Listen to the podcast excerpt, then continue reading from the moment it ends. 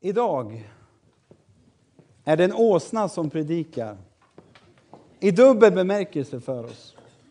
Dels den, dels den som vi hörde i bibeltexten. Den som drar fram Jesus till folket nerför Olivbergets sluttning. Dels den andra som står här vid talarstolen framför er idag. Som på några minuter ska försöka föra Jesus till er den här första advent.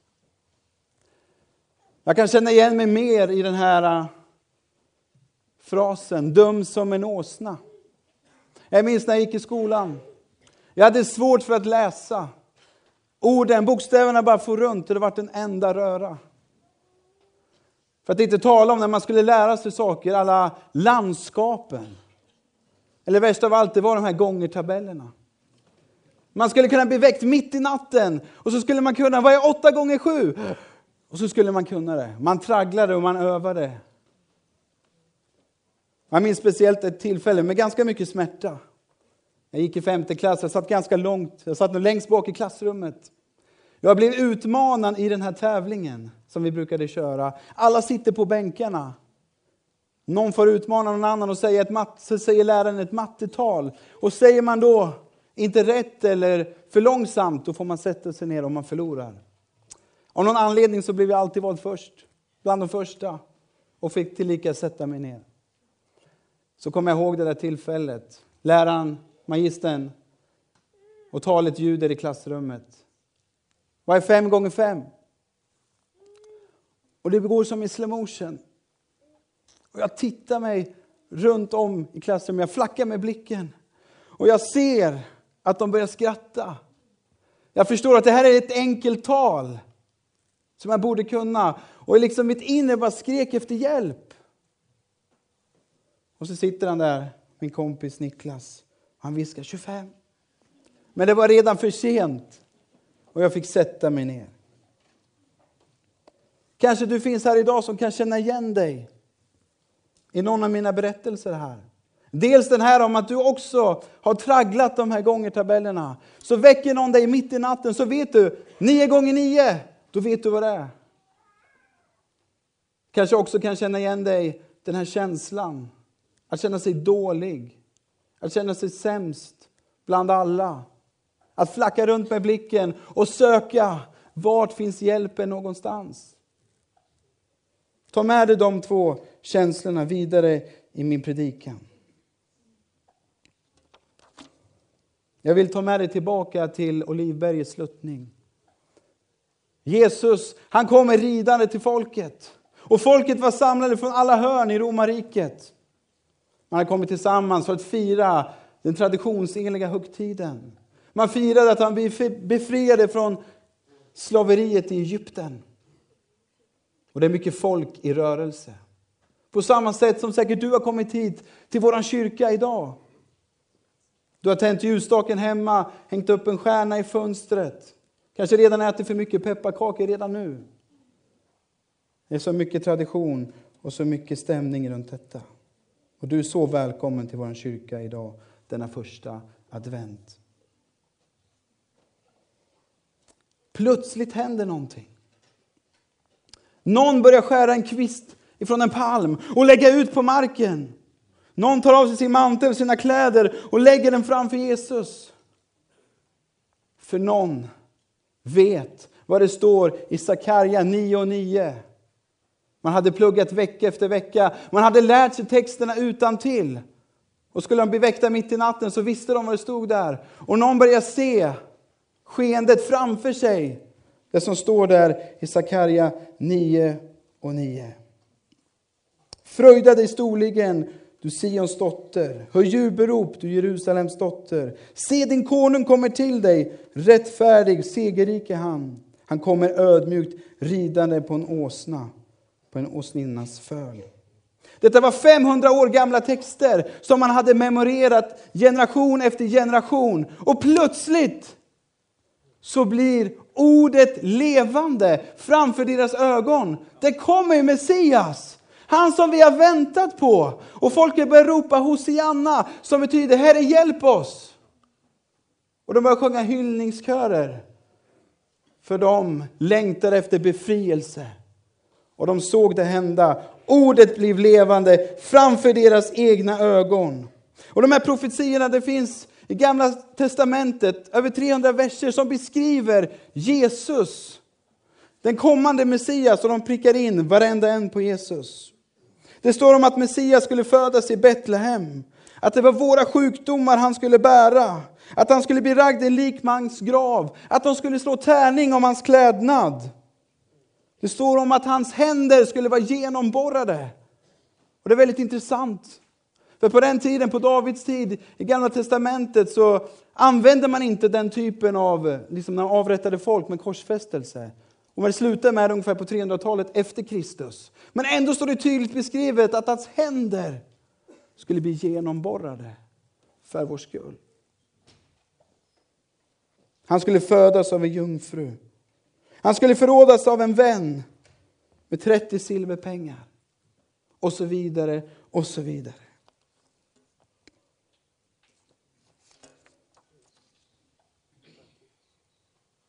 Och det var en man tillsammans på ett universitet som började forska i det här.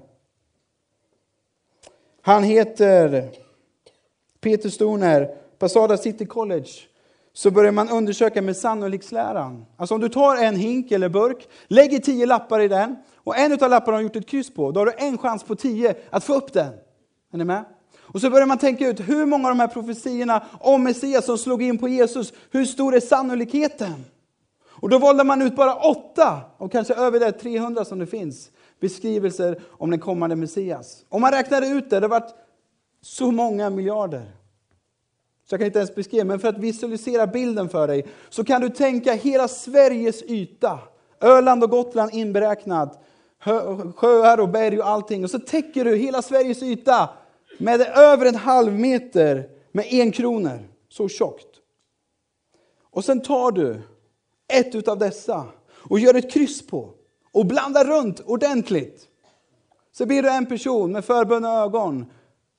Gå vart som helst i Sverige. Ta ner handen och dra upp det myntet med krysset på. Det är ju totalt omöjligt. Det är ju enormt, det är svårt att fatta. Men för Gud är allting möjligt. När tiden var inne så sände han Jesus till jorden.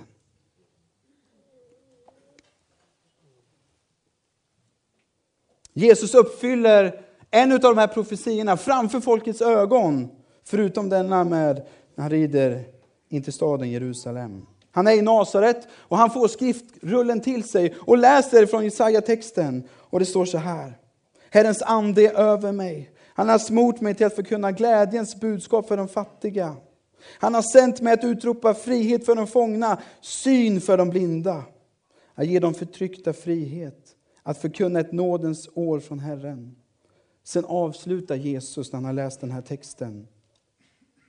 Idag har denna stället i skriften gått i uppfyllelse inför er som lyssnar.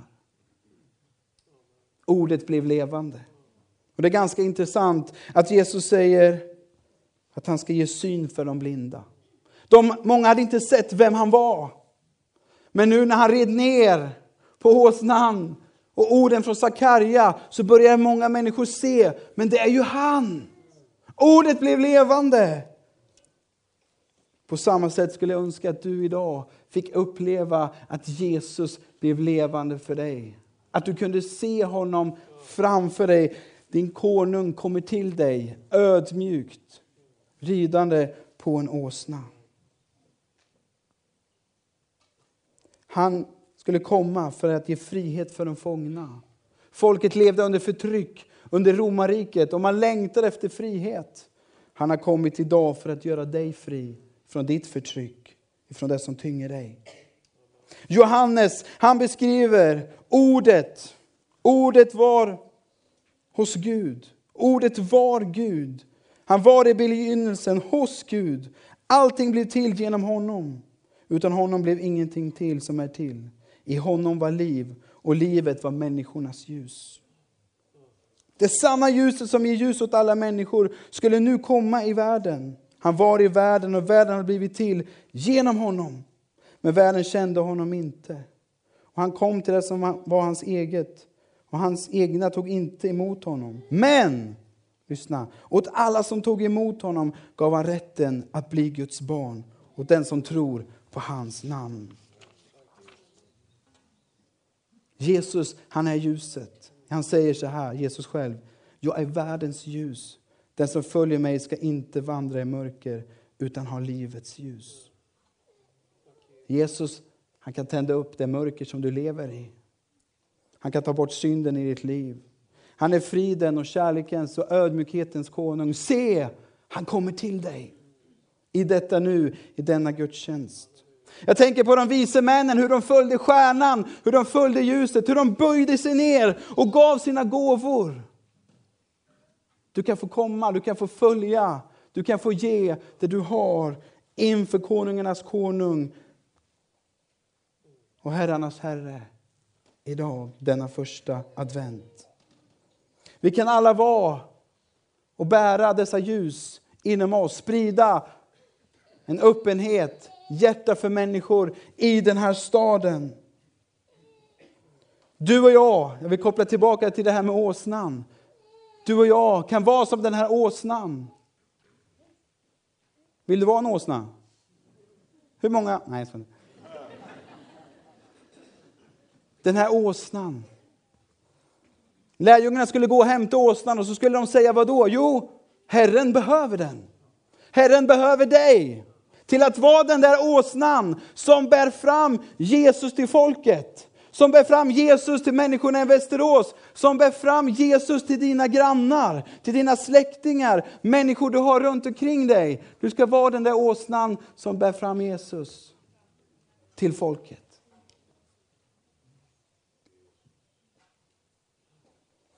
Men först måste du ta emot honom i ditt liv. Du måste säga ja till honom. Du kanske finns här och känner dig så tyngd och pressad av omständigheterna. Jag har inte tid med det där. Jag har bara kommit hit idag till den här gudstjänsten för att jag tycker det, det hör till julen och det är trevligt och det är mysigt. Men jag vill inte bli berörd av det du säger. Men jag tror att Jesus är här. Och att han vill röra vid ditt hjärta. Han kommer till dig. När detta hände för några veckor sedan, det som hände i Paris, så var det fullt på sociala medier. Pray for Paris. Hela världen slöt upp och vad ska vi göra? Man flackade med blicken och man ropade på hjälp. Var finns hjälpen någonstans?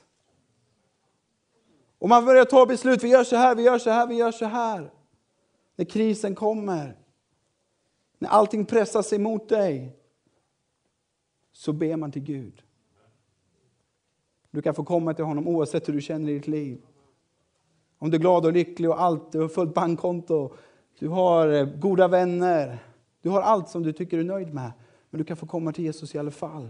Du behöver inte vänta på den där krisen i ditt liv. Jag ska få upp en bild på en... Oj, ursäkta. Är ni vakna? Jag ska få upp en bild på en tavla här. William Holman Hunt, han målade en tavla i slutet av, mitten av slutet av 1800-talet. Han var ganska känd konstnär. Han fick kritik för den här tavlan. William, du har ju målat den här tavlan lite fel. Det finns ju brister på den. Du ser den här dörren och det finns inga handtag på den här dörren. Men då förklarar han. Jag har målat tavlan utifrån Uppenbarelseboken 3.20 där det står så här. Se, jag står vid dörren och knackar. Om någon hör min röst och öppnar dörren ska jag gå in till honom och hålla måltid med honom och han med mig. Vet, han förklarar det finns bara ett handtag och det är på insidan som bara du kan öppna. Och bilden, symboliken är varje människas hjärta. Jesus han står där med den här lyktan som symbolen för ljuset. Och han står där och knackar. Du kanske inte är här idag som kan se honom. Jag ser honom inte, men du kanske kan höra honom. Han står där och knackar. Alla människor släpper inte in honom i sitt liv. En del av er har gjort det här. Men jag skulle utmana dig som inte har gjort det, att du skulle öppna ditt hjärtas dörr för honom. Ditt är advent. Ställ ditt hjärtas dörr på glänt för Jesus. För ljuset kommer lysa i ditt liv. För det spelar ingen roll om Jesus hade fötts tusen gånger i Betlehem. Men om han inte får födas i ditt hjärta så har han missat allt. Men då känner du den där pressen, jag har inte tid. En del människor jag möter, jag måste sluta engagera mig i församlingen för jag, jag måste ta hand om mig själv, jag måste prioritera. Jag, jag, jag har det så jobbigt. Många människor mår, upplever jag, psykiskt och fysiskt dåligt. Och jag kan känna det själv ibland, av den här pressen. Man flackar överallt med blicken och väntar, vad ska jag göra? Vilket håll ska jag se åt? Man känner att jag kan inte andas ens en gång i mitt liv. Jag behöver andrum.